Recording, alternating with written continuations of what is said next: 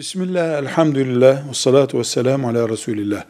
Bazı hadisi şeriflerde bizden değildir diye bir ifade kullanmaktadır sallallahu aleyhi ve sellem Efendimiz.